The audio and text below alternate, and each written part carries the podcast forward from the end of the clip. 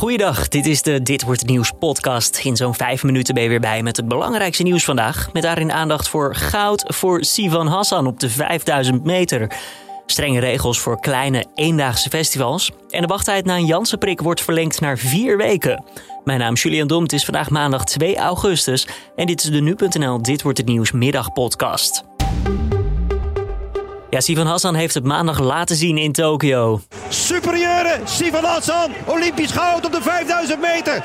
Eindelijk is daar weer die atletiek gouden medaille. Dat hoorde je bij de NOS. De atleten bezorgde Nederland ook meteen daarmee de eerste gouden medaille in de atletiek in 29 jaar tijd. Bij het ingaan van de laatste ronde versnelden ze en op zo'n 200 meter voor de eindstreep pakte Hassan vervolgens de leiding. Die ze vervolgens ook niet meer uit handen gaf. Nou, Hassan is met haar prestatie de opvolger van Ellen van Lange, die in 1992 op de 800 meter de laatste Nederlander was met Olympisch goud op de atletiek. En dan blijven we nog eventjes bij de Olympische Spelen. We gaan naar deze man, een zonnetje in huis en een ster. Want Lee Marvin Bonavacia heeft niet alleen zojuist een Nederlandse record gelopen in de halve finale 400 meter sprint bij de mannen. Hij is daarmee ook de eerste Nederlander ooit die op die afstand naar de finale gaat. Hey, ik love jullie man. Dankjewel om in mij te geloven man. Ik doe dit gewoon om gewoon inspiratie te zijn voor alle, alle kinderen. Gewoon dromen, dromen, dromen. En het komt waar. Ik behoor tot de beste acht van de wereld. En we weten niet wat er gaat gebeuren in de finale. Let's go man, blijven dromen. Dat hoorde je bij de NOS ook. Motivatia gaat donderdag proberen medaille voor Nederland te scoren.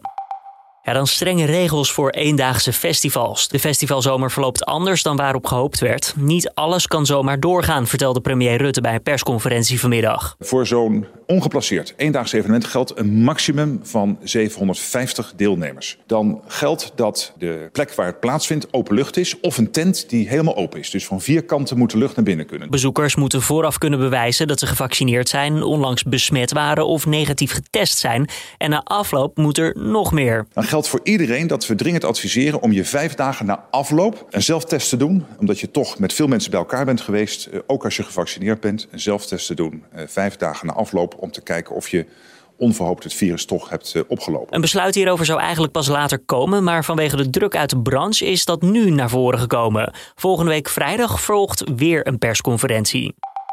Wie geprikt is met het coronavaccin van Janssen wordt binnenkort pas na vier weken als volledig gevaccineerd gezien. En dat is nu nog twee weken. Er moet nog wel wat voor geregeld worden, dus de nieuwe regel gaat pas later deze maand in. Dus vanaf 14 augustus geldt vier weken ook voordat je het vinkje krijgt op eh, de corona-app. Eh, tot 14 augustus het dringende advies om uh, in ieder geval ermee om te gaan. Zodanig dat als die vier weken nog niet voorbij zijn, je jezelf extra in acht neemt. De nieuwe regel betekent ook dat gevaccineerden pas na die vier weken een groen vinkje in de corona-check-app krijgen. De hittegolf in Griekenland is volgens de premier de ergste in ruim 30 jaar tijd.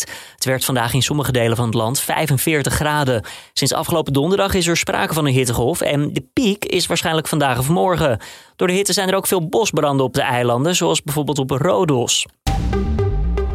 En dan nog even het weer van Weerplaza. Komende nacht brede opklaringen. Morgen dan opnieuw aardig wat ruimte voor de zon. Al kan in het zuidoosten nog wel een buitje vallen. De temperatuur blijft onveranderd, wederom zo rond de 20 graden.